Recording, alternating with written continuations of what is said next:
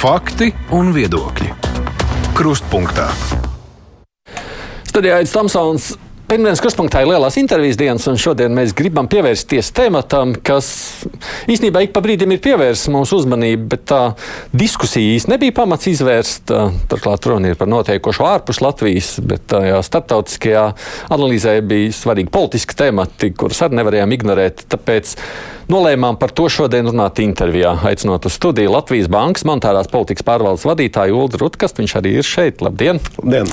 Mēs noteikti pārunāsim vairākus jautājumus, bet tas mans pieminētais temats ir par notiekošais banku sektorā. Nu, tur vispirms redzētais Amerikas Savienotajās valstīs, paralēli Šveicē.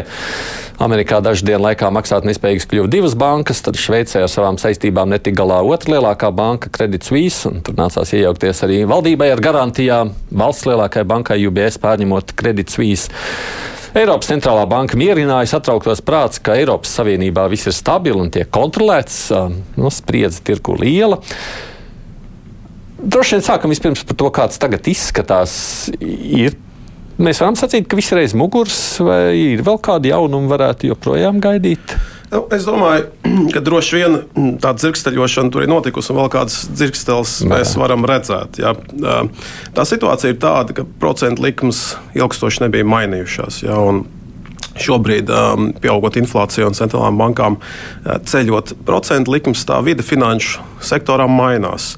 Uh, tas ir izraisījis problēmas atsevišķās bankās. Um, sākotnēji, kā jūs minējāt, ASV, kur, kur uh, viena banka, tātad šī Silīcija ielais uh, banka, nebija sabalansējusi savus riskus un, un sākoties depozītu izplūdēji šajā bankā, ko arī klienti bija pamanījuši, ka tur tie riski ir. Ja nu, banka nespēja savas um, saistības nofinansēt, vai faktiski pārdodot vērtspapīra portfeli, lai finansētu depozītu izplūdi, ja nu, cieta milzu zaudējumus. Kāpēc depozīta izplūde vispār notika? Nu, kāpēc ļaudis nu, steidzās ņemt naudu ārā? Tāpēc, ka banka bija uzņēmusies uh, zināms riskus. Jā, Tad, un, un, pat banka nebija strādājusi iecīgi. Jā, un um, godīgi sakot, uh, no tā man izpratne, kad ASV varbūt, ja mēs um, ārpus lielajām uh, globālām globāli sistēmiskajām bankām, teiksim, tādās vidēji izmēra bankās, kas, protams, priekš mums arī ir ļoti liels, bet ASV mērogā vidēji un liels bankas un mazas bankas varbūt arī netiek tik skrupulozi uzraudzīts, mm. ja, kā citvietā, kā piemēram Eiropā. Eiropa ir diezgan striktāka. Ja. Mm -hmm. no, labi, otra banka sekoja līdzīgiem sludēm?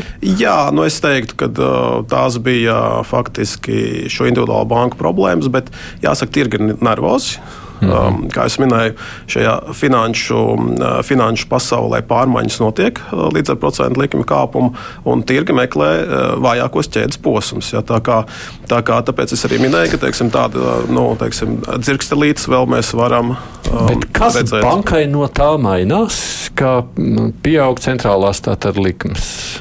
Nu, piemēram, šī konkrētā Banka bija ieguldījusi liels līdzekļus vērtspapīru portfelī, mm -hmm. augot procentu likmēm, vērtspapīru vērtība mazinās. Ja, un mm. tajā brīdī, kad depozīti plūst ārā, nu, jums tas ir jāfinansē. Un, un, un cilvēki ņem ārā, bija... tāpēc, ka viņi secina, ka nav izdevīgi. Jā, ka tur ir nu, ne tikai jā. viņi varbūt arī redz, jo tur bija, nu, teiksim, šajā bankā bija pārsvarā lielie klienti, korporācijas, ja, uzņēmumi, kas tomēr rūpīgāk sako līdz arī banku mm. bilancēm, banku riskiem, kurās viņi tur savus līdzekļus. Ja. Mm. Tā, kā, tā kā šie depozīti sāk izplūst, bankai vajadzēja finansēt un nācās pārdot vērtspapīru portfeli ar zaudējumiem. Ja, un tas, protams, nodeldē šīs bankas kapitāla buferi. Un, ja mēs runājam par Šveici. Nu, Šveice kredīts viss arī jau kādu laiku bija parādījusies virs horizonta kā banka arī ar zināmām problēmām kur ir jā, jārestruktūrē biznesa, jāmazina, jāmazina riski. Jā, un, nu, protams, tirgus sāk testēt nu, kas tad notiek šīs bankas gadījumā. Jā, un, un, un tur, protams, arī nu, acīm redzot, šī depozīta izplūde bija pietiekoši strauja. Banka tam nebija gatava un tādēļ nācās iesaistīties un šo darījumu noslēgt par, par um, bankas pārdošanu citai bankai. Vai mēs varam teikt, ja mēs sakām, ka nu, tā ir tāda taustā, taustīšanās pēc vājākiem posmiem, ka nu, kaut kas līdzīgs tiks testēts arī uz citām bankām? Jā, no to mēs redzējām pagājušajā nedēļā, um, uz nedēļas otro pusi atkal um, Eiropā uh, un citvietā banku akciju cenas pakritās. Piemēram, Deutsche Bankas um, cenas pakritās.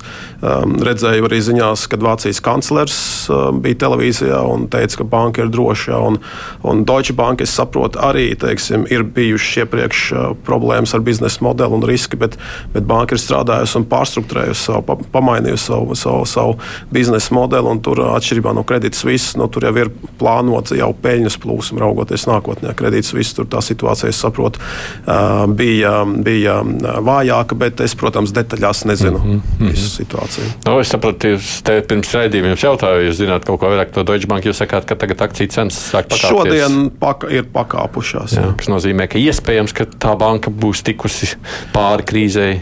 Jā, nu, nu cerēsim. Nevaram zināt līdz galam, protams. Jā, jā bet kā, kā jūs minējāt, tirgus svārstības var būt, un es neizslēdzu. Tas, tā, tā, tā, es pat teiktu, tā ir normāla situācija, kad šī neziņa, nervozitāte ir pieaugusi. Nu, skaidrs, ka jebkura informācija, kas parādās, nu, kādi komentāri vai kredītreitingu aģentūra ziņojumi vai vēl kaut kas, jā, nu, tas var izraisīt šūpošanos tirgos.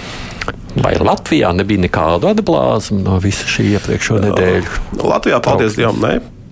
Jāsaka, mūsu bankas ir daudz konservatīvākas. Mūsu bankas nav izveidojušas tādas riskantas pozīcijas savā bilancēs. Un, jāsaka, šī krīze, nu, teiksim, tā, tā, tā likviditātes krīze, depozīta izplūde, tas mūsu banku sektoru neskāra. Kopumā mūsu bankām tā situācija ar likviditāti ir daudz, daudz labāka. Nu, teiksim, tas ir zināmā mērā sekas iepriekšējo desmit gadu situācijai, kad mūsu banku sektors bija ļoti pasīvs, ļoti kūtrs kreditēšanas mm. ziņā. Ja, depozīti ir būtiski pārsniedz kredītu portfeli. Uh, mūsu komercbankām milzīgi likviditātes līdzekļi glabājās Latvijas kontos, Latvijas bankā vai ir aizdot grupas līmeņos. Līdz to mūsu banku spēja reaģēt, ja nu notiek depozīta izplūde, ir daudz lielāka. Mums teiksim, šie vērtspapīra portfeļu banku bilancēs arī ir krietni mazāk mazāk nozīmīgi ja, nekā tajās atsevišķās bankās, kur šī, kuras skāra šīs turbulences. Tā kā teiksim, tāda likviditātes krīze neredz vienīgais kanāls, ar kuru tas varētu ietekmēt, eh, nu, kas ir lielā mērā arī um, atspoguļojās dēļ, um, dēļ Šveices. Tātad šīs bankas uh, risinājuma kapitāla tirgos ir pieaugusi banku kapitāla cena. Un līdz ar to piesaistīt jaunu kapitālu visticamāk būs dārgāk, kas nozīmē, ka nu, banku vēlēšanās kreditēt, droši vien būs mazāk. Ja? Lai gan mūsu banku sektorā, nu, teiksim, tajās bankās, kas, kas nu, fokusējās uz vietējo tirgu, nu, teiksim, lielākajās bankās kapitāla līmeņi ir adekvāti un pat krietni virs regulātoru noteiktajām prasībām. Bet nu, re, mēs jau, man liekas, cik gadus jau pēdējā laikā žēlojamies par to, ka Latvijas bankas negrib kreditēt. Tātad no vienas puses jūs sakāt, tās šobrīd izrādījusies ir laba ziņa, ka mūsu bankas Jā, bet, ir bet tam ir sava cena. Un tam cena ir um, gausāka ekonomikas izaugsme.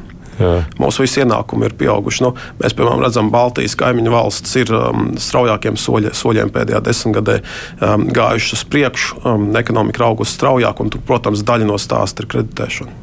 Un tagad jūs sakāt, ka izskatās, ka tā kreditēšana vēl atkal var ilgāk iesprūst. Jā, protams, nu, ja mēs uh, piemēram saskaramies situācijā, kad bankām piesaistīt papildus kapitālu uh, kļūst grūtāk, tad nu, bankas, protams, negribēs tik nāski kreditēt, jā, jo, lai kreditētu, vajag pretī kapitālu. Bet, kā jau minēju, šobrīd tā noteikti nav akūta situācija. Tas varbūt, ja mēs raugamies tālāk nākotnē, kā jau minēju, Latvijas bankas ir ļoti, ļoti labi kapitalizētas. Tur ir kapitāla buferi pietiekoši, lai, lai kreditētu tautsēmniecību. Izskatās, jau, ka bankas nav baigi īpaši centušās pēdējā laikā arī cīnīties par jaunu kapitālu piesaisti vismaz no iedzīvotājiem. Tur kādas likmes pat arī tagad, kad cēla jau centrālās bankas likmes, tad Latvijā joprojām bija nulle.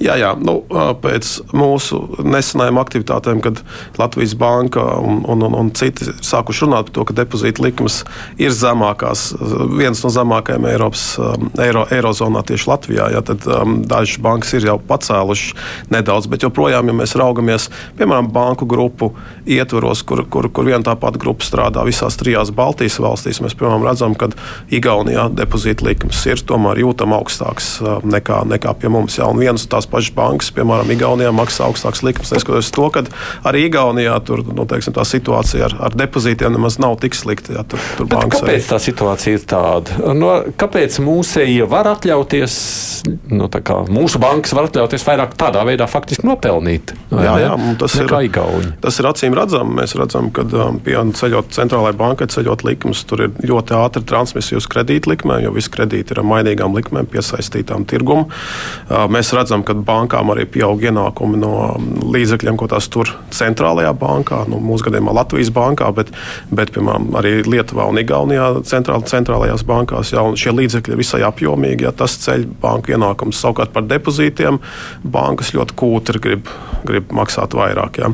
Nu, viens no skaidrojumiem, manuprāt, ir saistīts ar konkurenci. Bankas šobrīd īsti nekonkurē par um, depozitoru piesaisti, kas ir dīvaini, jo, jo šobrīd, ņemot vērā, ka uh, centrālā banka šobrīd par, par naudas līdzekļu atlikumu, Komercbanka naudas līdzekļu atlikumu centrālā bankā maksā um, šo depozītu likumu, kas ir 3%. Jā, uh, un, un, un, un nemaksājot depozitāriem, nu, faktiski Komercbanks zināmā mērā gūst bezriska peļņu. Jā, līdz ar to pat, nu, lai šo peļņu gūtu, nu, varētu pacīnīties un pārvilināt uh, depozītu īpašnieku, īpa, no depozitorus no, no, no konkurentiem, no citām bankām. Ja tas īsti nenotiek. Savukārt Igaunijā, ko mēs redzam, Igaunijā situācija pēdējā laikā ir pamainījusies, un tur vairākas vietējā kapitāla bankas sāk um, izrādīt konkurences lielajām tradicionālajām bankām, kas ir ilgstoši jau nu, bijušas um, Igaunijas ekonomikā. Jā, tur vairākās nišās, piemēram, um, tirgus daļas diezgan būtiski pieaug šīm jaunajām, mazajām uh, vietējā kapitāla bankām. Ja, viņas izplešās, un tur norit cīņa par, par tirgus daļām, un es pieņemu, ka tas arī zināmā mērā skaidro to, ka bankas, nu, gribot noturēt klientus, klientus arī straujāk tur kāpina depozīta likmes. Kas nozīmē, mēs esam ļāvuši kādām lielajām bankām, un es te varu tikai uz dolo minēt Svetbanku vai, vai Sebbanku, nu tā tad uzaudzēt sev lielus muskuļus, un Latvijā ir maza banku konkurence. Um, ja mēs skatāmies tīri pēc objektīviem rā, rādītājiem, ja tirgus koncentrācija um, visās Baltijas valstīs ir, ir Eiropas augšgalā. Ja. Uh, uh, kā jau minēju, Igaunijā tā situācija sāk mainīties. Uh, bet kopumā Baltija ir diezgan līdzīga, ja, um, salīdzinot ar citu valstu fonu. Un, un mēs arī redzam, ka faktiski kredīta procentu likmes diezgan lielā mērā korelē ar šo koncentrācijas līmeni. Jo lielāka koncentrācija, jo nu, konceptuāli mazāka konkurence, jo augstāks kredīta likmes mums vajadzētu lielāku konkurenci Latvijas banku sistēmā. Jā, un ar konkurenci es saprotu situāciju, kurā bankas aktīvi cīnās par klientiem, par tirgus daļu. Jā. Tas nevienmēr nozīmē pēc skaita lielāku dalībnieku skaitu, mm. lai gan, kā jau minēju, koncentrācija un koncentrācija mēra nu, pēc tirgus daļām. Jā, mums vienkārši lielajām bankām pieder daudz, daudz lielāka tirgus daļa nekā, nekā daudzās citās um, Eiropas valstīs. Jā. Ja ir kāds spēlētājs pat no esošajiem, kas sāk izaicināt un cīnīties, cīnīties par klientiem un ņemt tās tirgus daļas nost lielajiem spēlētājiem, tas, protams, var sāsināt. Bet nu nav šobrīd, kā mēs saprotam, šobrīd nav. Jā. Ir kaut kas darāms, ja var kaut ko izdarīt, lai kādu izprovocētu tā rīkoties? Nu, pirmkārt, ir parādījušās ziņas, ka viens jauns tirgus dalībnieks varētu ienākt. Indekso banka tiek, tiek veidot. Jā. Protams, arī mazās bankas, kas līdz šim nav um, aktīvi piedalījušies um, tautsājumniecības finansēšanā, un kas iepriekš bija uz starptautisko maksājumu biznesā. Nu, tur šis bizness ir izbeidzies, tagad šīs bankas arī domā, ko, ko tālāk darīt, kā mainīt savus biznesa modeļus. Arī tur iespējams varētu sākt aktīvāk kreditēt Latvijas tautsājumniecību. Protams, vienmēr var aicināt jaunus tirgus dalībniekus, cik man zināms, valsts amatpersonas arī par to ir domājuši, tur kādas sarunas ir notikušas, bet tas, protams, nav viegls process, jo īpaši šobrīd, kad kā jau mēs sarunas sākumā minējām, runājām, kad nu, banku sektorā tomēr tā neziņa un, un, un, un bažas ir pieaugušas. Diez vai šādā situācijā teiksim, tāds jauns globāls liels spēlētājs nu, gribētu paplašināties. Ja? Mm -hmm. nu, vai, ja gribētu, tas, protams, ir daudz grūtāk šādos apstākļos piesaistīt nekā varbūt labvēlīgākos apstākļos. Neko citu valsts nav varoša darīt. Ja? Uh, Es neredzu īsti tādus tiešus instrumentus, kā valsts var vienam privātā sektora spēlētājam, piemēram, nu, likt vairāk kreditēt. Ja. Protams, tās ir sarunas ar bankām, tās ir šīs uzņēmējdarbības vidas jautājumu risināšana, ko bankas jau tradicionāli ilgstoši uzsver, bet, bet kur objektīvi raugoties, salīdzinot ar iepriekšējo finanšu krīzi un šobrīd nu, biznesa vidē, tomēr ir Latvijā vērojami ļoti būtiski uzlabojumi. Jā. Ekonomika ir daudz stabilāka, biznesa vidas daudz aspektu arī uzlabojušies, bet darāmā vēl tur ir. Jā. Nu, protams, daudz kas ir atkarīgs no bankām. Piemēram, mēs redzam nu, ne tikai, ka mums ir koncentrācija augsta, bet, bet mēs redzam, ka arī bankā, banku sektorā ļoti daudz komisijas, kas var samazināt klientu mobilitāti no bankas uz banku. Piemēram, ja jūs esat, nu, ja jums ir kredīts, piemēram, mājokļa kredīts kādā bankā, jūs nesat apmierināts ar nosacījumiem, gribētu aiziet uz citu banku. Ja. Tur ir vairākas komisijas. Jums jāsamaksā pirmkārt pārfinansēšanās komisija, ja, kas ir pietiekoši ievērojams, un otrkārt bankā izsniedzot to jauno kredītu, ir jāsamaksā komisija ja, papildus. Tas šo pārkreditēšanās procesu diezgan būtiski sadārdzina un iespējams arī neutralizē visus tos potenciālos iegūmus, ja klients nu, izdomātu migrēt no vienas bankas uz citu. Ja. Tur noteikti arī var um, izveikt sarunas ar, ar banku sektoru. Protams, neviens pavēlēt īsti nevar tās komisijas. Nevar regulators kaut ko likt lietas labā? Es domāju, ka regulātoram būtu ļoti grūti Jā. kaut ko tādu panākt. Tur drīzāk tad, tad konkurences uzraugs var būt, var uh, izpētīt šo situāciju. Tiešām mums koncentrācija ir augsta un klientu mobilitāte ir zema. Ja to mums izdodas pierādīt ja, un, un, un, nodibināt šos faktus, tad, tad iespējams kaut ko var darīt. Uh, bet, piemēram, šādu komisiju mazināšana noteikti arī varētu uzlabot šo konkurences situāciju, jo, jo klientu mobilitāte pieaugot, cilvēks sāk jā. skatīties aktīvāk, kur varbūt pārkreditēties un tā. Un, un ja tirgu ienāk jauni, kaut vai no sākuma mazi dalībnieki, tad nu, viņi tomēr zinām lomu var spēlēt, kā Igaunijas piemērs mums rāda.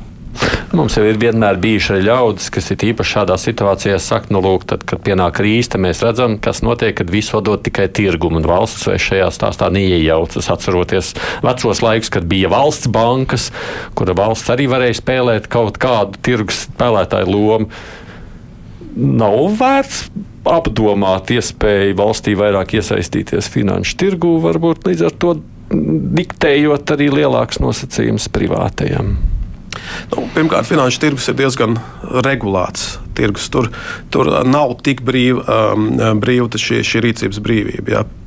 Tas ir viens otrs, protams, ir jāskatās, kas notiek apkārtējās valstīs. Ja, jo, jo vienpersoniski vienā valstī, teiksim, izveidojot kaut ko jaunu, ierobežojuši, un citās valstīs, um, citām valstīm nesakojot, tas, protams, um, mūsu situāciju var pasliktināt. Līdz Kāpēc? to tas nu, tā, tādēļ, ka uh, nu, teiksim, nu, pilnīgi mierīgi, ja mēs šeit kaut ko teiksim, ieviešam, um, um, pastiprināt regulēšanu, nu, vienmēr jau var uh, bankas savus pakalpojumus sniegt no no mātes institūcijām vai no, no institūcijām citās valstīs. Ja, viņi, tā kā, tā, tas, tā, tas tirgus ir, nu, tomēr tas tirgus ir starptautisks. Ja. Nu, tas ir par pakalpojumiem, ierobežojumiem runā, bet ja runā par valsts, kā vēl viens banks, nu, mums taču ir īstenībā, ja jā. valsts taču iesaistās arī. Jā, nē, tādā ziņā, jā, nu, tas, ko es domāju, es domāju, ja mēs, piemēram, vienpersoniski pieņemam nu, daudz striktākus nosacījumus, regulējumu, valsts regulējumu, kas, piemēram, tur nu, kaut ko piespiež. Ja, nu, Ungārija, piemēram, to, to ir darījusi darījusi. Jā, un, un, un, un mēs redzam, ka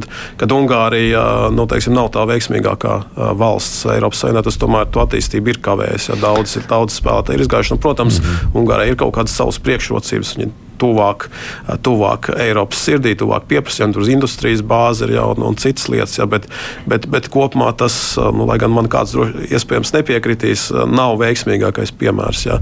Ir valsts, protams, kas ir eksperimentējušas, bet, bet es uzskatu, ka šādā veidā ir diezgan liels risks, ka mēs savu mm, tēlu tieši no investīciju piesaistes pasliktinām. Tas sapratu. Savukārt, runājot par iesaistīšanos savukārt pašā tirgu, nu, mums jau ir altumi. Jā. Jā. Nu, proti, būt aktīvākiem ar iespēju piedāvāt.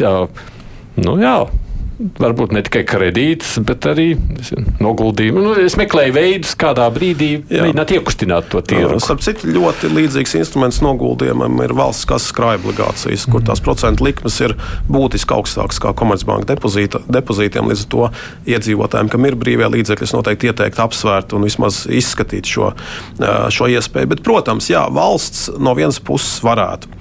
Šeit drīzāk ir jautājums par to, cik, um, cik efektīvi Latvija kā, kā, kā, kā valsts spēja pārvaid, pārvaldīt publiskā kapitāla uzņēmumus. Ja, un, mums no iepriekšējās pieredzes mums ir bijusi pieredze, kur teiksim, ar valsts banku, un, un, un tur šī situācija diemžēl nebija diezko laba. Ja, tur šī aktīva kvalitāte diezgan būtiski pasliktinājās un nāca nāc gaismā visādas ziņas, ka tur saistītām politiskām personām tiek sniegt kredīti ja, un visādas tādas lietas. Ja mēs varam um, labi pārvaldīt šādu banku, es teiktu, tas būtu tikai ar pluszīmi. Oh.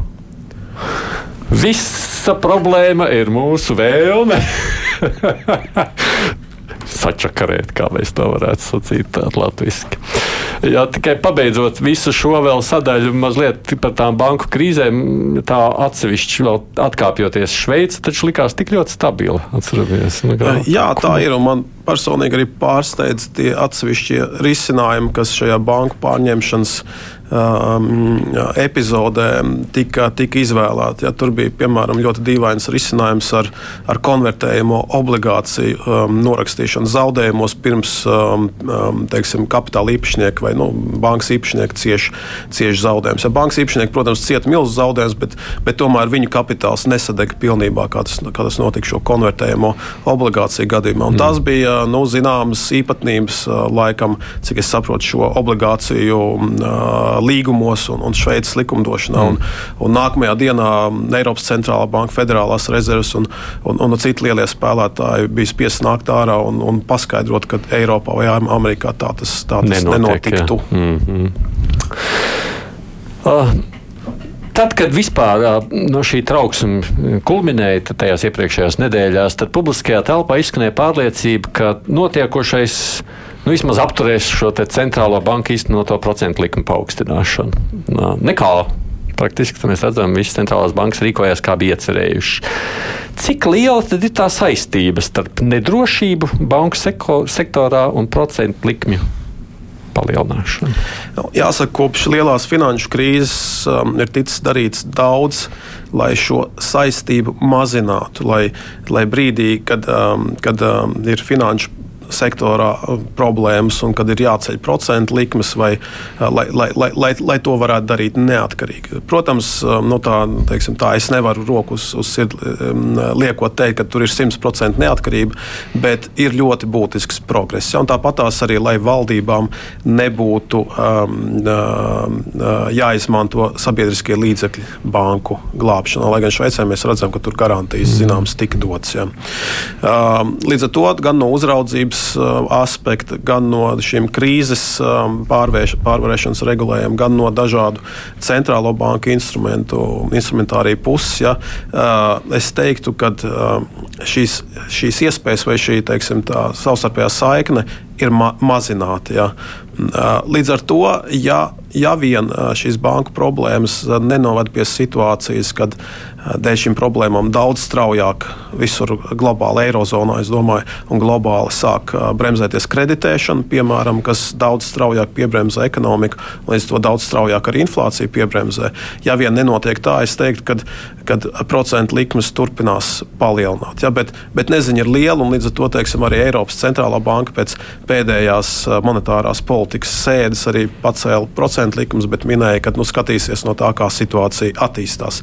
Ja situācija attīstās saskaņā ar prognozes, šobrīd prognozēto scenāriju, tad pro, procentu likmju, um, likmes tiks arī turpmāk celtas. Tas nozīmē, ka svaru kausos tiek liktas divas lietas - inflācija ar to centienu to apturēt, un no otras puses, vai ir iespējama kreditēšana, lai tā neapstātos, un tad mēģina sabalansēt. Nu, tas ir tas grūtākais uzdevums, jā, sabalansēt lietas, mm -hmm. lai, lai, lai mazinātu inflāciju un, un neizraisītu kādu plašāku mērogu krīzi tautsēmniecībā. Mm -hmm. Bet mēs varam teikt, ka katrā valstī, nu, Eiropā tātad kopējā situācija Eirozonā, jā, un tad katrā valstī situācija ir atšķirīga. Un tad katra reaģēja attiecībā no tā, kāda viņu valstī veidojās aina. Ja? Jā, protams, un tādēļ teiksim, arī šī instrumenta monetārā politika ir visai Eirozonai viena. Ja? Bet, bet banku teiksim, uzra, uzraudzība arī ir kā viena, bet tur, tur šie instrumenti, nu, teiksim, ja, ja kādā konkrētā valstī, konkrētā bankā rodās problēmas, tad to jau arī teiksim, var fokusēt, risināt. Nu, šie... Latvijā gadījumā mēs jau tur runājam, mums ne īsti kreditēšana gāja tā, kā mēs gribētu, un, bet inflācija ļoti augsta. Līdz ar to jā, tās iespējas. Tā, tādiem žēl ir. Jā, tādiem jā. žēl ir un, un šobrīd Latvijā uh, pilnīgi pretstatā tam, kā mēs vērojam pirms finanšu krīzes, kad mums bija ekonomikas pārkaršana, nekustamā īpašuma burbulis, un tad mums nu, arī mūsu pašu viet, vietējie faktori, vietējās um, sarežģītās problēmas radītu inflāciju. Šobrīd mēs esam lielā mērā upuri. Ir sākotnēji būtisks um, impulss nācis no ārējiem tirgiem, energoresursu cenas, pārtiks cenas, arī ekonomiku atkopšanās pēc Covid un tur dažādi piegāžu ķēžu saspīlējumi, kas, kas tās cenas sāka, sāka dzīt uz augšu. Un šis impulss vienkārši mūs skāra, skāra ļoti, ļoti spēcīgi. Ja, un, un, kā acīm redzot, arī sakoja teiksim, iekšējo faktoru pieslēgšanās. Tas, ko mēs redzam, kad ar mūsu inflācijas prognozēšanas modeli mēs nevaram izskaidrot apmēram 30% no, no šī brīža inflācijas. Tas nozīmē, ka nevien energo cenas un pārtiks cenas um, ir noteikuši um, augstu inflāciju, bet arī šīm cenām pieaugot un, un vispārējiem cenu līmenim pieaugot, cenas paaugstināt, ir kļuvusi daudz vienkāršāk. Ja. Tos pamatojumus mēs varam saklausīt mm. no uzņēmumiem. Da, daži, da, daži ne dažādos. Es atceros, ka piemēram ap Ziemassvētku bija, Ziemassvētku laika bija sižeti ziņās, kur eglīšu tirgotājs stāstīja, cik viņam viss ir sadārdzinājis. Ja. Bet no objektīvi raugoties, eglīšu audzēšana nav energointensīvs uh, bizness. Ja. Tas strādā kā tāds pastiprinošs efekts, kas šos ārējos šokus lokāli pastiprina. Un es gribētu teikt, ka arī uzņēmumi ir diezgan veiksmīgi šo izmaksu pieaugumu nastu novadījuši līdz patērētājiem, jo uzņēmumu peļņas maržas nav būtiski samazinājušās. Šur tur ir, šur tur nav, bet kopumā tautsājumībā diezgan stabils. Ja mēs raugamies, peļņas daļa ekonomikā arī, arī ir ar augšupējošu tendenci.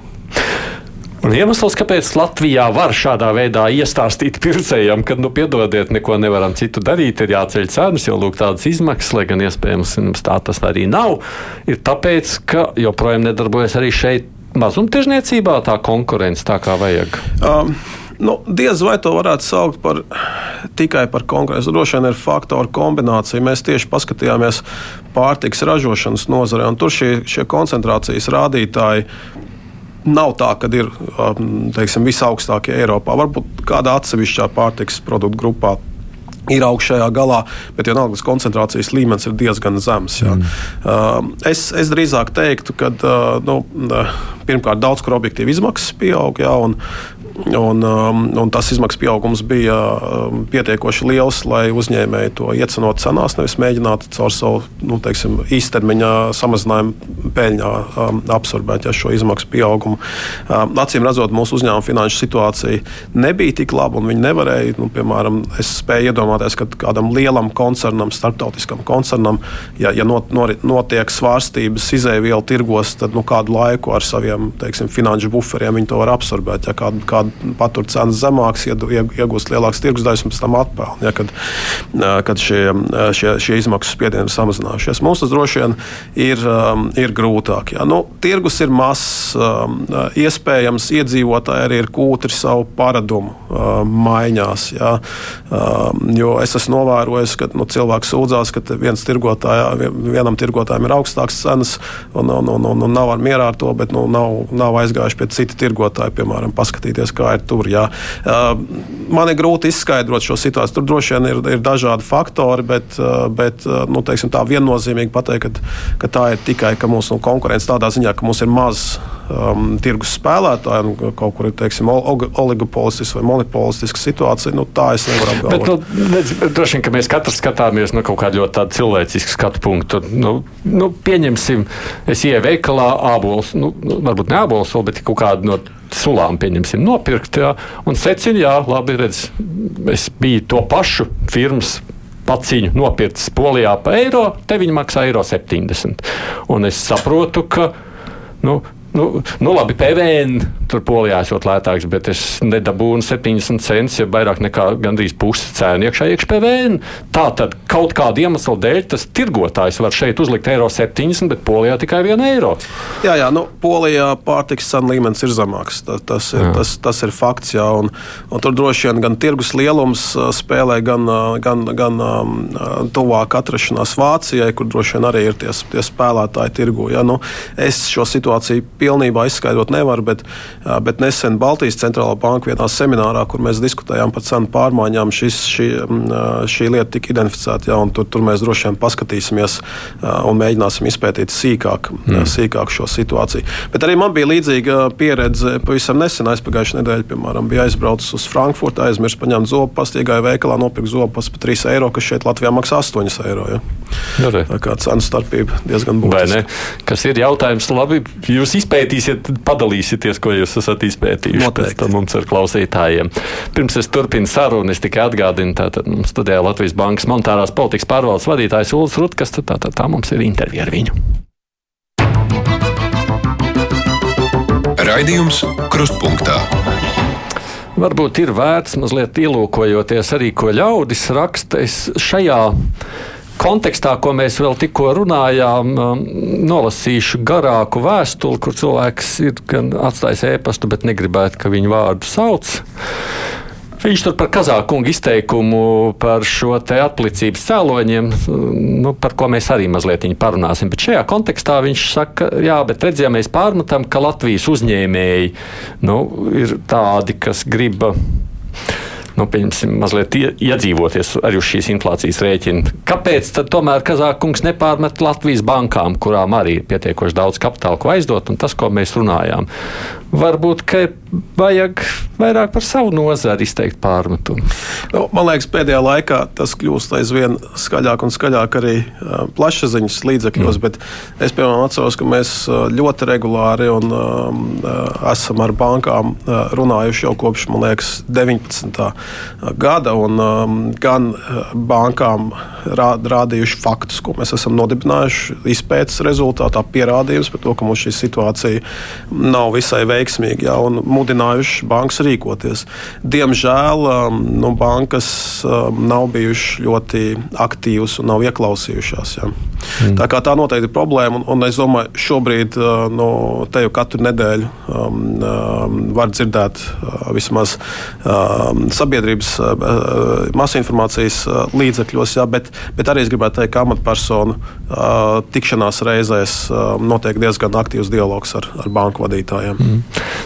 Kāda ļaudis vienkārši komentē to, ko dzirdējuši, un izsaka savu pieredzi. Bet ir daži jautājumi, Kārlis šajā prasa, kontekstā prasa, kāpēc, ja mēs runājam, tad Deutsche Bank akcija krita par 22%, Zviedrijā Svetbanka akcijas pēdējā mēnesī mīnus 20,6%. Nu, jā, tās, um, kā jau minēju, um, nu, teiksim, šobrīd tirgu ir nervozitāte, un, un tur gan, gan mēs esam redzējuši, gan arī nākotnē noteikti redzēsim diezgan būtisks svārstības. Jāsaka, ka uh, nu, mēs jau sākumā minējām par, par. Latvijas eh, banku, banku sektoru, kas ir eh, nu, nosacīti drošāks un ar, ar lielākiem eh, likviditātes buferiem. Ja. Bet, protams, ka mēs ieraugām vārdu Skandi banku. Jā, saprotam. Skandināvijā mācas bankas arī nu, nosacīti, viņam kapitāla līmeņi ir, ir pietiekoši labi, bet tur šī atkarība no tirkus ir lielāka kā Latvijā. Ja. Tas mm. ir fakts.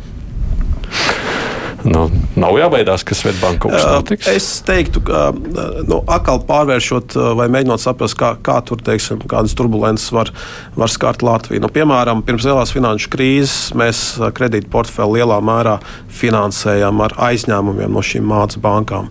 Šobrīd mēs aizdodam mācu bankām, jo mūsu kredīti, kredīti pret depozītiem ir nedaudz virs 60%. Ja, tā kā mums depozītu masa ir, ir absolūti krietni, krietni lielāka par kredītu kredītportfeļu masu. Ja, un, un, un bankas šos brīvos līdzekļus vai nu tur kontā Latvijas bankā, vai nu ir aizdevuši uh, grupas ietvaros teiksim, savām mācību institūcijām. Vai tā ieinteresējās par jūsu teikto par valsts kasas krāju obligācijām, vai var kaut ko precīzāk par to? Es nezinu, ko uh, precīzāk par to. Krāju obligācijas.lv var, var aiziet un noskaidrot mājaslapā. Tur, tur viss apraksts, un tur var arī pieteikties un veikt šo krāju obligāciju iegādi. Mm. Runājot par procentu likmēm un vispār ekonomiku kopumā un finansēm, tas, kas īpaši jau gada beigās un šī gada sākumā jau tika pārnāts tojoties kara gadienai, bija situācija Krievijā. Ja mēs runājam lūk, par likmi celšanu Eiropā, tad Krievijā nē. Ja mēs runājam par inflāciju, tad izrādās, ka Krievijā tā ir mazāk. Un neraugoties uz visām sankcijām un to, ko kara sākumā viss sacīja, nu, Krievijai būs cauri ar ekonomiku, tur valūta bruks un viss pārējais. Nekas no tā nav noticis. Kāds ir jūsu skaidrojums? Um, jā, nu, Pirmkārt, te, te ir vairāk aspekti. Ja man būtu jāliek roku uz sirds un jāsaka, vai es šobrīd ticu Krievijas statistikas datiem, es Aha. droši vien ne, neticētu simtprocentīgi. Ja. Tas ir viens, bet ot, no otras puses, Krievija ir diezgan pašpietiekama ekonomika. Ja. Um, IKP saražot um, ar vietējiem resursiem viņi var. Jautājums, ko mēs neredzam statistikas datos, ir dzīves kvalitāte.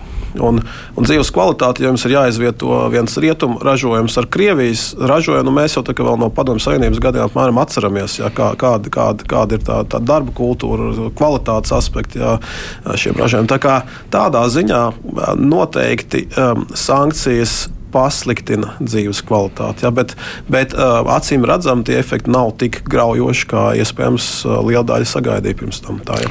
Kāpēc rublis palika tik drošs, stabils? Kā? Nu, rublis jau vairs nav īsti tirgojama valūta. Arī, arī padomju rublis bija diezgan stabils, ja es pareizi atceros. Jā, bet nu, beigu, beigās jau kaut kāda konvertācija notiek, jo tās pašas rietumu preces jau Krievijā ir. Jā, jā, un, protams, kad viens liels caurums sankcijās bija, nu, teiksim, kas ir saistīts ar rietumu atkarību bijušo atkarību no Krievijas energoresursiem. Tur šīs sankcijas sākotnēji netika ieviestas, ja, un, un arī tagad tikai pakāpeniski viņas ievies. Ja, tā, kā, tā kā Krievija par saviem energoresursiem ārvalstu valūtu saņēma, un, un arī, protams, ja iepriekš varbūt vairāk tirgojās ar, ar Eiropu, ja, tad nu, teiksim, ir sameklējusi apkārt ceļus un citām valstīm šobrīd šos resursus tirgo. Krievijas centrālā banka rīkojās saprātīgi un gudri tā, kā viņi izdarīja. Nu, šādā veidā būtu jābūt. Šādos apstākļos es teiktu, jā, nu, droši vien to pirmo šoku, lai, lai, lai absorbētu tik paceltas likmes, un pēc tam jau tika ieviesas kapitāla kontrols, un tās likmes varēja mazināt. Jā. Mm. Un akciju tirgus Krievijā, ja tā to var saukt. Nu, grūti pateikt. Um, um, nu, teiksim, šķiet, vēl atsevišķi rietumu spēlētāji, kas joprojām darbojās Krievijā, cer, ka viņi šo teiksim, um, savu kapitālu un, un gūto peļņu no Krievijas pārskatāmā nākotnē varēs izvest. Bet nu, laiks rādīs, es nebūtu tik pārliecināts. Mm. Atgriežamies pie Latvijas. Uh, Pieminot Latvijas bankas arī prezidenta Mārtiņa Kazāka sacīto, vēl viens teiktais, ka Latvija draud ieslīgt vidējo ienākumu slazdā, no kura nevarēsim izkļūt, ja neinvestēs izglītībā un zinātnē. Bet, nu, skatoties uz to, kas notiek budžetā, man liekas, ka naudas nebūs vairāk. Kam man vajag gatavoties tagad? Nu, tas vien nozīmē, ja mēs um, ne, ne, nemainīsim uh, to ekonomikas biznesa modeli, um, ekonomikas dzinēja spēkus, jā, tad um, jāgatavojās, kad ekonomikas izaugsme būs gausa, ienākuma izaugsme būs gausa kaimiņi, ja, ja, ja rīkos pragmatiskāk, pa mums augs straujāk, acīm redzot, nu, tas novedīs pie iedzīvotāju neapmierinātības agrāk vai vēlāk. Ja, jo, jo ienākuma atšķirības ar kaimiņiem, kur mēs varam patās uz Lietuvu, Igauniju aizbraukt un paskatīties, kā ir tur kā pie mums salīdzinot, ja, nu, tad radās objektīvi jautājumi, kāpēc tā, kāpēc tur notiek attīstība, kāpēc šeit attīstība nenotiek. Ja, un, tas, protams, ir, nu, ir viena no būtiskākajām problēmām, ja mēs raugamies vidējā, ilgākā termiņā, ja kā nodrošināt izaugsmu. Jo, Jo esošais modelis um, daudzās jomās ir sevi vai nu izsmēlis, vai tuvu izsmēlis. Ja, jo, ja mēs joprojām ceram uh, teiksim, konkurēt, tirgojot produktus, kur ir teiksim, tā, kur, kur galvenā konkurences priekšrocība ir lēts darba spēka izmaksas, ja, tad, nu, tad, tad mēs savus ienākumus nevarēsim audzēt. Jo ir pasaulē daudz valsts, kas, kas būs lētākas par mums. Jā, uz šo es labprāt arī gribētu tālāk turpināt to sarunu, jo jūs arī pēc tam reaģējāt Twitterī uz Jašslavu Dombrovsku, tur rakstīto sakot, citēji, kā jūs tur rakstījāt, kā lai pārliecina darba devēja konfederāciju un tirzniecības un rūpniecības kameru, kas uztur pastāvīgu spiedienu samazināt nodokļus, lai paildzinātu uz lētu darbspēku izmantošanu bāzētā biznesa agonija. Tas ir tātad jūsu Twitterā citāts. Tuneļa galā gaismas šeit nav, ir jākoncentrē resursu ieguldījumiem cilvēku kapitālā. Es pabeidzu to citātu. Man šo izlasot, sanāk tā, tad, ka darba devēja nu, lobbyis faktiski iedzen mūsu stagnācijā. Nu, droši vien ne tikai. Nu, es arī saprotu, jo redz, šeit situācija varbūt ir atšķirīga raugoties no individuāla uzņēmuma um, skatu punkta un no valsts skatu punkta. Jo katrs uzņēmums jau, protams, ja ir savā biznesā, tad, tad mēģina tur arī teiksim, nodrošināt visus apstākļus, lai šo biznesu varētu turpināt. Ja. Tā problēma ir tāda, ka, ja valstī mums būs pārsvarā tāda biznesa kā šobrīd, attīstība nenotiks. Ja, un, un daudz kur vienkārši izmaksu ziņā konkurēt kļūt, kļūs grūtāk un grūtāk, jo objektīvi darbspēka izmaksas mums turpinās augt. Mums ir atvērts darba tirgus, mums vienmēr ir iespējas nodarbināties cit, citvietā Eiropā, kur algas ir augstākas, ja, algas spiediens neatslābs. Un, ja kādu gadu samazinās darbspēka nodoklis, ja, nu, tas būs atvieglojums uz laiku, un tad uzņēmēji atkal nāks un prasīs pēc gada, pusotra, diviem, mums vajag atkal darbspēka nodokļus samazināt. Bet mēs jau nevaram bezgalīgi samazināt šos darbspēka nodokļus. Jāsaprot, ka mums jau uh, kapitāla uzņēmuma ienākuma nodoklis ir uh, ieņēmums uzņēmumu un uzņēmumu ienākumu nodokļi ir, ir zemākie visā OECD valstu grupā. Ja?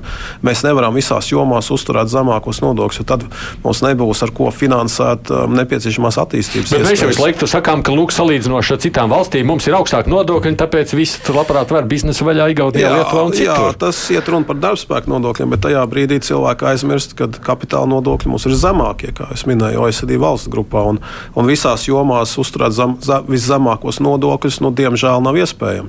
Nu, tad nu, skatāmies. Mums te saka valdība, ka viņi taisīs šogad auditu vai ne un strādās pie, pie nodokļu reformas.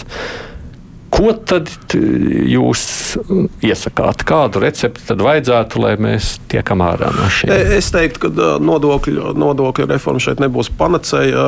Es arī šobrīd neieteiktu veikt tādas revolucionāras pārmaiņas. Noteikti var skatīties piemērošanas pusē, noteikti var skatīties teiksim, uzņēmē, nodokļu režīmu radīšanā uzņēmējdarbības uzsākšanas situācijā. Jā, ja mums bija mikro uzņēmuma nodoklis, kas izrādījās viens liels nodokļu apiešanas instruments un tad tika būtiski ierobežots. Bet nu, teiksim, tādiem uzņēmējiem, iesācējiem iespējams būtu pamats kaut ko tādu um, padomāt un izveidot, ja laikā terminētu, nu, teiksim, vieglāku nodokļu režīmu. Ja. Bet kopumā es teiktu, šobrīd um, nodokļos nevajadzētu veikt izmaiņas. Protams, nodokļu spēks darba spēka galā ir mums vidēji augsts. Iespējams, to varētu kādu brīdi pārbalansēt uz citiem nodokļiem, jo nodokļu ieņēmumi kā tādi mums ir diezgan zemi. Ja mums darbspēka nodokļu sloks ir augsts. Tad, samazinot darbspēka nodokļus, būtu jāceļ citus vai nu, vai nu patēriņa nodokļi, vai kapitāla nodokļi, vai, vai, vai, vai citi ieņēmumi. Ja. Bet to būtu jēga darīt tajā brīdī, kad valstī ir augsts bezdarbs. Jo zem bezdarba gadījumā nu, teiksim, tas, ko mūsu analīze rāda, tur šie, šie efekti nebūtu diezko pozitīvi. Būtu diezgan neitrāli. Tad jūs, ko tad vajag darīt? Vajag vienkārši pārdalīt citādi naudu, kas ir? E, e, es domāju, tas ir komplekss jautājums. Skaidrs, ka mums nodokļu ieņēmumi principā ir vajadzīgi, jo, jo mums ir liels investīcija vajadzības tajā pašā izglītībā, veselības aprūpē nu. un, un citur. Ja. No otras puses, protams, mēs redzam, ka šur tur tā valsts pakalpojumu kvalitāte pieklibo. Ja, daudziem, protams, rodās jautājumi par budžeta līdzekļu izlietojumu. Ja. Līdz to man liekas, tā ir tāda kompleksa lieta, kur no vienas puses uh, valstī saprotās investīciju vajadzības, ir jā, jā, jā, jāveic šīs investīcijas, bet arī, arī, arī, arī jāiegulda tātad šī valsts pakalpojuma uzlabošanā. Ja, lai tiešām uzņēmumi redz, ka uh, maksājot nodokļus, viņi iegūst. Ja, nu, kā piemēram, viens uzņēmums, es neminēšu šeit konkrētus uzņēmumu nosaukumus, bet, bet, bet, bet viena uzņēmuma vadītājs teica, nu, piemēram, um, es strādāju visās trīs Baltijas valstīs, visur maksāju nodokļus, bet Latvijā man darbiniekiem ir jāpērk veselības apdrošināšana, bet Igaunijā un, un nu, Lietuvā jā, tāpēc, nav. Mēs sakām, ir... ka valstī vairāk budžetā nevaram atļauties veselībai, tāpēc un apdrošināšanai nē. Nu, ja mēs tur nepaceļam nodokļus vai ko tamlīdzīgu, mums vienkārši nav naudas. Jā, jā, nauda vienmēr trūks, bet šeit ir, protams, jautājums par prioritātēm. Jā, un, un tīri objektīvi, nu, veselības aprūpē mums no, no, no budžeta aiziet relatīvi maz līdzekļu. Nu, jā. Citās valstīs daudz vairāk. Kur, nu, bet, kas ir mūsu prioritāte? Aizsardzība. Mēs tā liekam iekšā ieročos, Jā, kas ir nu, saprotams kā apstākļos. Ne tikai, ne tikai. Nu, ir vairākas jomas, kur, kur uh, relatīvi teiksim, tas finansējums uh, ir nu, teiksim, procentos no ekonomikas salīdzināms teiksim, ar, ar Eiropas valstīm uh, augstajā galā, kas diezgan daudz finansē tās jomas, bet, bet efektivitātes rādītāji varbūt nav tie no, nu, augstākie. Varat nosaukt tās kā šo, tur, nu, piemēram, es biju pārsteigts, kad es redzēju, ka, piemēram, nu, iekšējās drošības jomā, nu, kas ir tieslietas un, un, un, un, un, un, un, un policija. Ja, un, Atceros, mēs daudz tērējam policistiem, nu, tiesnešiem. Procentos no IKP mēs tērējam uh, virs vidējā, es teiktu, mm. Eiropas Savienībā, bet tie rezultatīvie rādītāji, protams, mums ir diezgan, diezgan pazemi. Tā kā arī izglītībā, starp citu, tieši tāpat relatīvi pret ekonomikas apjomu tas finansējums ir diezgan zolīts, bet nu, viņš izšķīst un, un tas rezultāts nav. Ja, tā tādēļ jau ja, tiek runāts jau ilgstoši par nepieciešamām reformām skolu. Tas reformas ir vajadzīgas, jūs sakāt. Ja? Protams. Ja. Protams. Neiet mums, kā redzams, tām reformām. Ap medicīnā krietni mazāk par reformām jēgas runāt. Arī medicīnā neskatoties to, ka trūkst finansējums. Nu, es gan, jāsaka, godīgi šeit neesmu varbūt ar pēdējām aktualitātēm iepazinies, bet, bet savulaik, kad, um, kad Latvijas banka diezgan rūpīgi sekoja, un, un tur bija visas tās apdrošināšanas koncepcijas un tādas lietas tika piedāvāts, tajā brīdī nu, teiksim, tā galvenā problēma bija, kad sistēma ir tik necaurredzama, ka viņi pat grūti analizēt. Ja, pat, pat OECD savā ziņā ziņojumā toreiz ieteica, ka jāsāk ar datu uh, vākšanu un kvalitīvu datu vākšanu, lai mēs vispār varam to kastīti atvērt un saprast, kas tur notiek. Jā.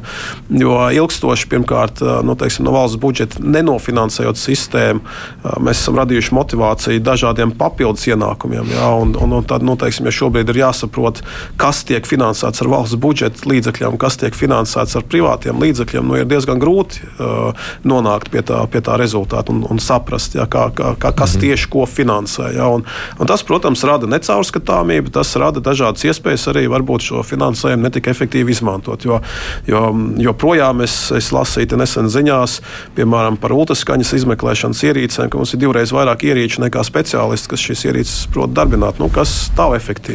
Mm. Mazliet iznāk no klausītājas mētāšanās atpakaļ, un tomēr vēl par to lielo banku peļņu, ko mēs runājām. Lietuvieši lika paskatīties uz to, varbūt vajag banku peļņu aplikt ar nodokli. Nu, reiz runājam par nodokļiem. Ko jūs sakāt par šo? Jā, nu, es varbūt sākšu no izējas punkta, kad uh, pēdējo krīžu laikā uh, Valdība ir sniegusi būtisku atbalstu iedzīvotājiem uzņēmumiem, kas netiešā veidā ir arī būtiski uzlabojusi banku situāciju, bankas pandēmijas krīzē un, un, un, un, energo cenu krīzē ir izgājuši cauri faktiski ar sausām kājām. Ja mēs atceramies pēc lielās finanšu krīzes, bankas sektors cieta milzu zaudējumus, ja šobrīd tā situācija ir diametrāli pretēji, tur ir diena pret nakti. Un līdz ar to bankas netiešā veidā ir saņēmušas šo atbalstu. Jautājums, ko banku sektors dod pretī uh, ekonomikai un, un ekonomikas dalībniekiem, iedzīvotājiem un uzņēmumiem. Jo to, ko mēs esam redzējuši līdz šim, tā ir bijusi ļoti gausa kreditēšana. Un, protams, objektīvi šāda nodokļu ieviešana, kreditēšana nu, nebūtu neveicinās. Ja tas var uh, papildus, teiksim, gadu, divus um, rast papildus ienākumus valsts budžetā, nu, tad šos līdzekļus kaut kā pārdalot caur valsts budžetu, nu, kādai jomai tiks, uh, tiks vairāk finansējumi. Ja. Es domāju, ka mūsu visu interesēs tomēr ir mēģināt panākt, lai bankas aktīvāk kreditē tautsājumniecību. Mēs jau spējam, ka mums nav līdzekļu, ar ko to izdarīt. Jā, nu, es vēl tomēr pēdējo mēģinājumu izveikt, un, un ja nu tad uh, mēs saprotam, ka, ka nav nekāda līdzekļa un bankas nav gatavs šo soli pretī spērt, nu, nu tad es teiktu, tad, tad visi politiķi rokās lemt par šo. À, tas varētu izklausīties pēc tāda brīdinājuma komercbankām. Vai nu, vai rēķinieties, ka būs nodoklis? Es gribētu teikt, ka tā bumba ir komercbanka sektora pusē un lielā mērā, kā viņi izlēms rīkoties. Jo skaidrs, ka tā situācija nevar šādi, šādi mūžīgi uh, turpināties. Uh, banku sektoram ir jāpelna, bet banku sektoram ir jāpelna aktīvā veidā, kreditējot uh, tautsājumniecību. Šobrīd banku sektors bankas pelnu uzturot lielu maržu starp kredītu un depozītu likmēm. Pajautāšu vienu tādu, nezinu, vai obligāti jums tas būtu jautājums, un tomēr es ar interesi vērojam nemierus, kas ir Francijā saistībā ar pensionēšanās vecuma palielināšanu. Ļoti no tā uz naža asmens balansējot, valdība mēģina iet, kā saka, uz visu banku un tomēr šo reformu panākt, tāpēc, ka, laikam, situācija ir dramatiska. Tajā pašā laikā, redzam, tautas nav gatava samierināties, kaut kā sadzīvot ar to un iet ielās un joprojām rīkojas reizēm diezgan agresīvi. Um, Latvijā tā tas nenotiek. Mēs tā kā ļaujamies diezgan brīvi. Vai jums šķiet, kura Kā jums pašam šķiet, kur uh, pieeja ir saprātīgāka? Tas, kā rīkojas latvieši, domājot par valsts interesēm un par savām mazāk, vai tas, kā rīkojas franči, kas saka pa priekšu domājam par sevi, un tad jau valsts lai pati tiek galā. Šodien, starp citu, arī streiks, plašs streiks Vācijā. Vācijā arī ir. Jā. Uh, nu, mums tas vadas, acīm redzam, lūst, lūst retāk, jā, bet uh, es arī noteikti negribētu glorificēt uh, Francijas situāciju, jo objektīvi uh, pensiju reforma ir vajadzīga. Uh, Francijā uh, novecošanās problēmas ir tādas pašas, ja ne, ja ne lielākas kā mums, uh, bet um, pensionēšanās vecums, uh, ja es pareizi saprotu, ir zemāks nekā mm -hmm. mums ja, nekur, jau, nekur jau viņi neliksies. Būs jāstrādā ilgākus gadus, lai, lai, lai varētu saņemt pieklājīgu pensiju. Jo alternatīva ir, nu, tad, tad, teiksim, tā, aizejot pensijā, ienākumu salīdzinot ar, ar pirmspensijas algas būs niecīgi. Ja, būs tāpat tās cilvēku neapmierinātība. Un, ja pensionēšanās vecumu nepacels, tad tajā brīdī, kad cilvēks sāks pensionēties, viņi tāpat ies uz ielām un teikt, hei, es ar pensiju nevaru izdzīvot. Ja. Tā kā tur es teiktu, šīs pārmaiņas ir vajadzīgas. Ja, bet, bet, bet Frančūzi ļoti aktīvi. Es pats arī personīgi piedzīvoju ko es dzeltu no vestu protestu laikos, bija ar privātu auto aizbraucis uz Franciju, un tur nu, tā bija knapi tik ārā. Kā pusē vairāk simpātijas? Uh, Es nezinu, man, man, man grūti pateikt. Protams, ka pie mums cilvēks spēja mobilizēties, tiešām kritiskos brīžos, ja to, to vēsture ir pierādījusi, bet tādās ikdienas lietās mēs, protams, esam kūtri. Noteikti sabiedrības aktivitātei būtu jāpieaug, bet vai protestu veids, streiks, vardarbība uz ielām un, un visas šīs lietas, vai tas ir pareizais veids, es teiktu, nē, cilvēkiem jābūt sabiedriski aktīviem, jāizdara spiediens uz politikas veidotājiem citādā veidā. Ja.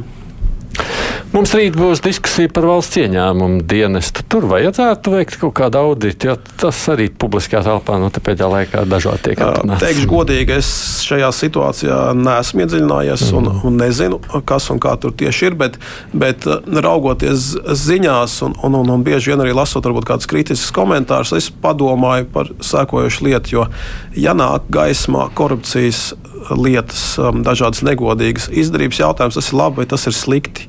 Tas var būt gan slikti, un tas var būt gan labi. labi tas var būt tādā gadījumā, ja šīs lietas sāk apkarot, un viņas vienkārši agrāk bija neredzamas, un tagad viņas kļūst redzamas. Ja, ja tas tā nav, protams, protams tad, tad situācija nav laba. Kaut kādu skaidrību vajadzētu ieviest. Jā, es domāju, noteikti, protams, jautājumu Jā. tur ir daudz. Bet tas ir izdarāms vispār. Nu, tādā ziņā reizēm ar tādām lielām, nu, kā mēs teicām, lieliem uzņēmumiem grūti pārvaldīt vispār. Ir iespējas tādas skaidrīgi ieviest. Es, es, es domāju, tas noteikti ir iespējams. Es arī neloloju cerības, ka to var izdarīt naktas laikā. Jā, tas prasīs kādu laiku.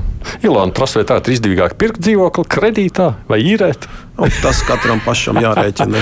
Nē, no, no tāda viedokļa sakot, ka tas jautājums ir ņemt kredītu. Jūs ieteiktu vispār cilvēkiem, privātpersonām? Es, es, noteikti, es, es noteikti negribētu atrunāt uh, iedzīvotājus, bet, bet jāsaprot, ka katrā atsevišķā situācijā nu, ir jāizvērtē jā, savu maksātspēju. Protams, jā, jāņem vērā, ka procentu likmes šobrīd uh, nav augstākās un var pieaugt arī turpmāk. Un, un tad ir jāparēķina, vai, nu, teiksim, kā, vai spēs tos galus savilkt kopā arī tajā brīdī, ja, piemēram, procentu likmes būtiski pieaug. Jā. Viņas varētu vēl dubultoties. Nu, es tādā ziņā, ja kāds iet uz banku, ko viņam vajag rēķināties. Laiks rādīs, es jums nevaru bet, atbildēt precīzi. Nu, jūs, es jā. pilnīgi noteikti nevarat, bet vispār nu, tāda iespēja izslēgt nedrīkst. Teorētiski, kāpēc gan nē, ja inflācija um, būs ietiepīgi augsta un nekritīsies, nu skaidrs, ka centrālām bankām nekas cits neatliks kā celt mm. procentu likumus. Mm. Un to ejot, ņemot kredītu, vienmēr vajag likt prātā, vienmēr ka tā summa, ko jums prātā. saka, cik jūs maksāsiet mēnesī, nenozīmē, ka jūs maksāsiet pēc pusgada tādu pašu. Jā. Nu, ja vien bankas